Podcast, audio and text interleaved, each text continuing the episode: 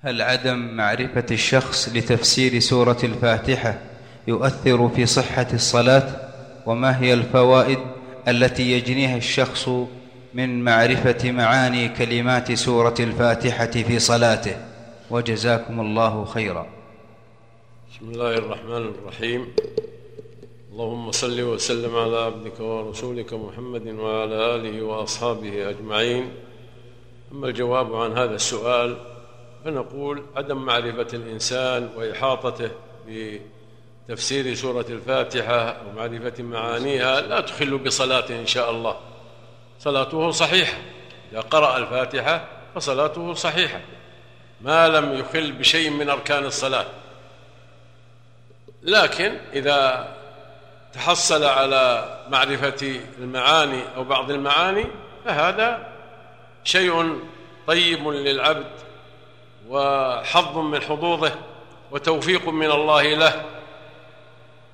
لأن الله يقول قل هل يستوي الذين يعلمون والذين لا يعلمون إنما يتذكر أولو الألباب. فالعلم خير من الجهل لا سيما العلم بمعاني كلام الله سبحانه وتعالى الذي فيه النور والهداية. نسأل الله أن يوفقنا وإياكم لما يحب ويرضى. فضيلة الشيخ هل البسملة التي مع الفاتحة من آياتها أم من غيرها؟ وإذا كانت منها فلماذا كانت السبع المثاني؟ أفيدونا جزاكم الله خيرا. آه، البسملة يا أخي ذكر العلماء أنها آية مستقلة. البسملة آية مستقلة قبل كل سورة سوى براءة. فليست هي من آيات الفاتحة لكنها لتبرك باسم الله سبحانه وتعالى وذكر اسمه الرحمن الرحيم. هذا شيء ينفع الإنسان في حياته وبعد مماته. ما حكم الاستعاذة والبسملة في الفاتحة؟ سنة الاستعاذة سنة والبسملة سنة والاستفتاح سنة لأن الصلاة تشتمل على أركان. أركانها أربعة عشر وعلى واجبات واجباتها ثمانية وعلى سنن أقوال وأفعال. أما سنن الأقوال فمثل الاستفتاح والتعوذ والبسملة وغير ذلك من الدعاء في الصلاة وأما سنن الأفعال فمن رفع اليدين عند تكبيرة الإحرام واستواء الظهر لا يكون الرأس أرفع ولا أخفض والجلوس مفترش. آه، الرجل اليسرى ناصب من اليمنى والتورك في التشهد الأخير بأن يخرج رجله من تحت مقعدته ويجعل وركيه على الأرض ونحو ذلك من سنن الأفعال ومن سنن الأقوال. هذه يثاب عليها العبد ولا تخل بصلاته لو أهمل شيئا منها. لكن إحياء السنن مما يحب الله. نعم. يقول السائل ما معنى مثاني؟ سبع المثاني, سبع المثاني. المثاني يعني آيات إن الله سبحانه وتعالى جعلها مثانية. ف فكل آية من الآيات هي حجة من حجج الله على خلقه والله سبحانه وتعالى يرغب عباده في هذا الخير ليغذي قلوبهم. نعم. يقول السائل إذا ركع الإمام في الصلاة السرية قبل أن أتم الفاتحة فما الحكم في ذلك إذا أمكنك أن تتمها فهو أحسن قبل أن قبل أن يركع. وإذا ما أمكنك أن تتمها وركع ولا ولو أتممتها لا يفوتك الركوع فالأحسن أن تكملها. إذا خشيت أن يفوتك الركوع فيتحملها الإمام كما ذكر العلماء. يسأل السائل عن كيفية قراءة لدليل, لدليل لو جئت إلى الصلاة والإمام قد كبر في الركوع قد قال الله أكبر. تأتي أنت وتقول الله أكبر الله أكبر. تكبيرة الحرام وتكبيرة الركوع. تسقط عنك الفاتحة. نعم. يسأل السائل عن كيفية قراءة الفاتحة في الصلاة علما بأن, بأن بعض الأئمة لا يجعل فاصل حتى يمكن قراءة الفاتحة فيه. المأموم إن أمكنه أن يقرأ الفاتحة فهو حسن خروجا من خلاف من أوجبها وإن لم يمكنه فيتحملها الإمام.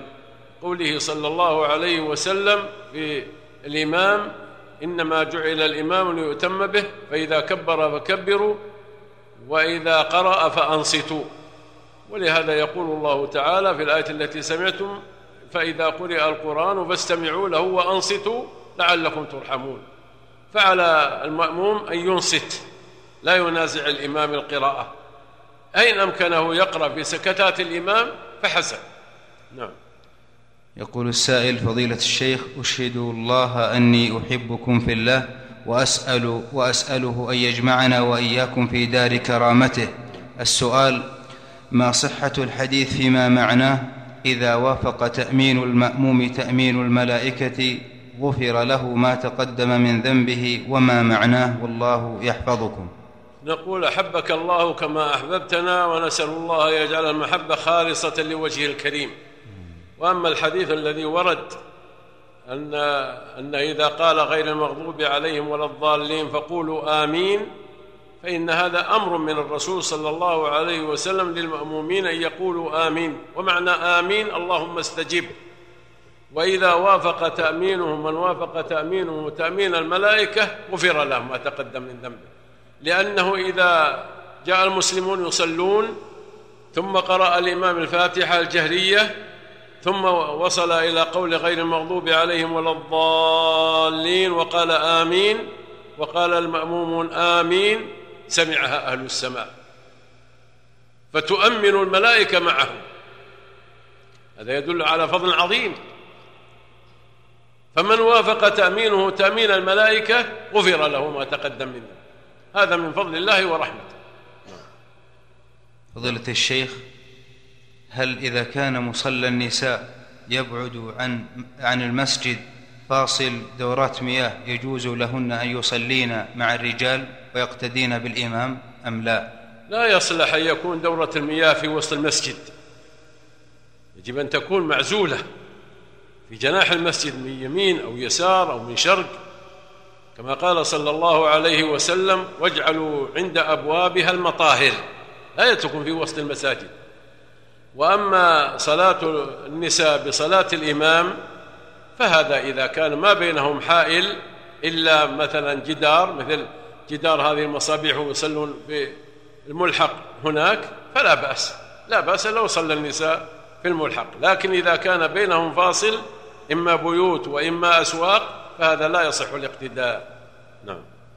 لأن عندنا يا شيخ الدورات بين الدار النسائية والمسجد. ليش ما جعلتوها برا؟ لا المصلى كان مملوء بالرجال. اي كان مصلى النساء يجعل في محل الدورات والدورات وراء هذا الأولى وكثير من الناس عند بناية المساجد لا يحسنون. بعضهم يجعلون الدورات بين مصلى الرجال ومصلى النساء وبعضهم يجعلون النساء فوق الرجال. ولا يصلح. نعم. يقول السائل فضيلة الشيخ هل يجوز للمسلم الحج والعمرة وهو عليه دين عدين كثير؟ آه الدين يختلف. إن كان الدين ما حل فله آه حجة الإسلام يحج ويعتمر أما إذا كان الدين حال فعليه وفاء الدين يعني حقوق الخلق مبنية على المشاحة. إلا أن يستأذن أهل الدين ويقول اسمحوا لي أنا بحج وإن أنفقت من مالي الذي عندي كذا وكذا فلا بأس. وإلا فالدين أهم عليه. عليه أن يقضي ديون المتعلقة بذمته حتى تبرى ذمته. يقول السائل فضيلة الشيخ ما حكم قراءة الفاتحة بالنسبة للمأموم؟ يعني كالسؤال السابق أرجو بيان الراجح تقدم هذا الكلام وأنه يحسن من المأموم أن يقرأها في سكتات الإمام. فإن أمكنه أن يقرأها في سكتات الإمام فحسن وإن لم يمكنه تحملها الإمام. وإذا وأما في السرية فإنه لازم أن يقرأها يقرأها الإمام ويقرأها المأموم كل على حدته. وبعض العلماء يقولون يقرأ الفاتحة ولو كان الإمام يقرأ. إذا كان ما عند الإمام سكتات فلا بد أن يقرأها. ولكن النصوص تشهد بأنه إذا قرأها الإمام فقراءته قراءة لمن خلفه. لقوله تعالى فإذا قرئ القرآن فاستمعوا له وأنصتوا قال الإمام أحمد أجمع العلماء على أن هذه الآية في الصلاة. نعم. يقول متى تكون ركعت ركعتان الفجر؟ هل هي قبل الأذان أم بعد الأذان؟ لا بعد الأذان يا أخي. ما تصلح ركعتا الفجر إلا بعد دخول الوقت. حتى الأذان مو بعبرة. قد يكون بعض المؤذنين يؤذن قبل الوقت. فعلى المسلم أن يتحقق فإذا دخل الوقت فيصلي ركعتي الفجر. سواء في بيته أو في المسجد. نعم. هل يجوز قراءة السورة مرتين في صلاة واحدة مثل الإخلاص في الركعة الأولى والثانية؟ لا مانع. إذا كان ما عنده حفظ لغيرها فلو قرأها مرتين لا يضر إن شاء الله. نعم. وهل يتوجب قراءة سورة أخرى في الركعتين الثالثة والرابعة غير الفاتحة؟ لا يحتاج. تكفي في قراءة في الركعتين الأوليين قراءة الفاتحة وما تيسر معها. وأما الركعتان الأخريان في الظهر والعصر والعشاء أو المغرب فإنها لا تلزمه قراءة آيات من من من القرآن. وبعض العلماء يقول لو قرأ لو صار عنده وقت وقرأ فلا محذور في ذلك إن شاء الله. يقول السائل ما هي الطريقة الصحيحة لتحسين قراءة القرآن ثم حفظه على الوجه الصحيح؟ الطريقة الصحيحة أن يحرص الإنسان على تلقيه ممن هو حافظ للقرآن عنده علم بالتجويد حتى تستقيم قراءته ويستقيم لسانه ويؤدي القرآن كما أمر الله بقوله ورتل القرآن ترتيلا والطريقة في ذلك أن يحرص على أن يتلقاه أولا من المدرس الحافظ آه، ويقرأه عليه نظرا ثم بعد ما يقرأه عليه نظرا ويتقنه نظرا يردده حتى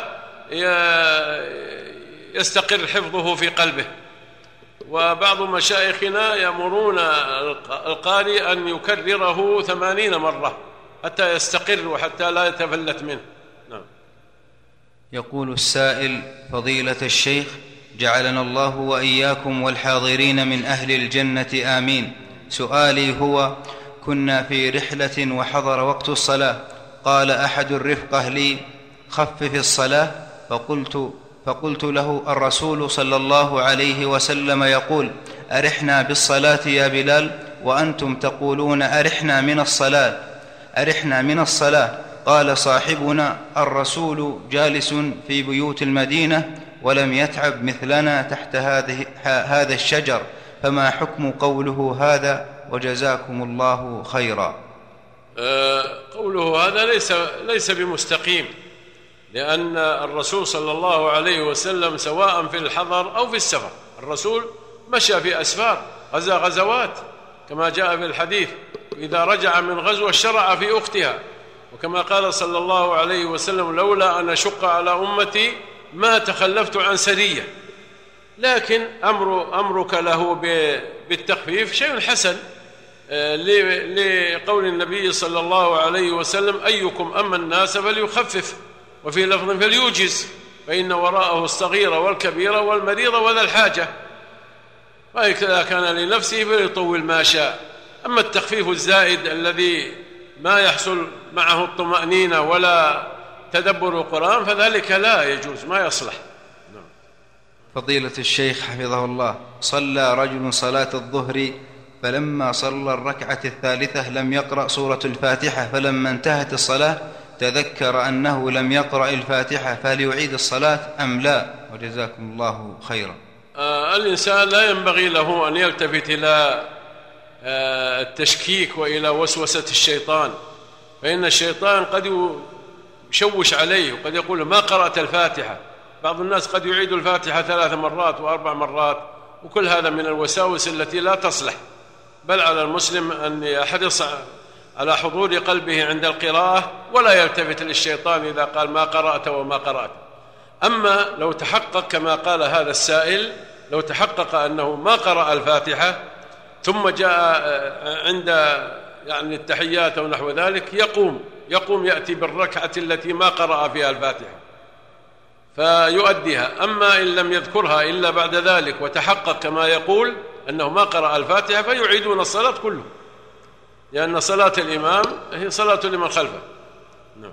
يقول السائل هل ترك التسمية عند الوضوء يبطل الوضوء؟ وما كيف؟ حكمه؟ كيف؟ ترك تسمية الإيش؟ التسمية. ترك التسمية؟ عند الوضوء. لا ما يبطل الوضوء لكن مشروع التسمية وأنها تجب عند الذكر إذا أن الإنسان ذكر فيسمي وإن نسي فلا يضر إن شاء الله. لكن لا يكون تكون التسمية في محل قضاء الحاجة يكون عند دخوله عند قبل دخوله لمحل الوضوء. حتى لا يذكر شيئا من أسماء الله في المحلات القذرة نعم. يقول السائل كنا خارج المدينة فدخل وقت الصلاة العشاء فصلينا العشاء وبعد الانتهاء منها تبين لنا أننا صلينا إلى غير القبلة. فما حكم صلاتنا؟ إذا كان وقع ذلك باجتهاد يعني أنتم قبل أن تصلوا إلى البلد ولم تعرفوا آه، مثلا محاريب محاريب مساجد ولم تروا لا شمسا ولا قمرا ولا نجوما حتى تهتدوا بها وصليتم على اجتهادكم فصلاتكم إن شاء الله صحيحة. أما إذا كنتم قد تساهلتم ولم آه، والمحاريب موجودة والعلامات موجودة ولكن تساهلتم أو أنكم جهلتم فصليتم إلى غير القبلة فلا يصح لأن استقبال القبلة شرط من شروط الصلاة. يقول السائل السلام عليكم ورحمة الله وبركاته. قراءة الفاتحة ركن من أركان الصلاة ولا صلاة لمن لم يقرأ بأم الكتاب. يعني الفاتحة سؤالي هو آه، ماذا على الإنسان إذا قرأها ولم يتدبرها؟ وإذا أخل فيما في قراءتها في الصلاة وإذا لم يقم بقراءتها. إذا قرأها ولم يتدبرها فهذا فاته فات شيء من الفضل. المفروض أن يتدبر القرآن كله. إذا قرأ شيء من القرآن الفاتحة وغيرها يتدبرها. قوله تعالى أفلا يتدبرون القرآن؟ فأما إذا كان فاته فاته تدبر فلا يضر إن شاء الله ذلك عليه. نعم. يقول السائل ما حكم دخول الخلاء وفي جيبه مصحف أو أوراق بها ذكر الله؟ لا يجوز يا أخي دخول الخلاء ومعك مصحف أو شيء فيه ذكر الله. كان الرسول يضع الخاتم الذي فيه محمد رسول الله. عليك أن تحرص على احترام كلام الله. أما لو كان الإنسان ناسي وكان في جيبه الله يقول ربنا لا تؤاخذنا إن نسينا أو أخطأنا. نعم. يقول السائل فضيلة الشيخ أبا عبد الله حفظكم الله ورعاكم هل لا تفضلتم علينا نحن أبناء أحياء غرب الرياض بإقامة مثل هذه الدورة العلمية خلال الشهر المقبل؟ لا, لا ليس في ذلك مانع. الذين يحبون آه، إقامة دورة من أي المساجد في غرب الرياض أو شرقه أو جنوبيه أو شماله ما في مانع. يبلغوننا إن شاء الله ولا نقصر. ونحن نسأل الله جل وعلا أن يتقبل من الجميع وأن يجعلنا وإياكم أنصارا لدينه وحماة لشريعته. ونشكر الله سبحانه على نعمه. ثم نشكر إمام المسجد والإخوان الذين شجعونا على زيارتكم. جزاهم الله خيرا. ونسأل الله أن يوفق الجميع لما يحب ويرضى. والله أعلم. وصلى الله على محمد وآله وصحبه أجمعين.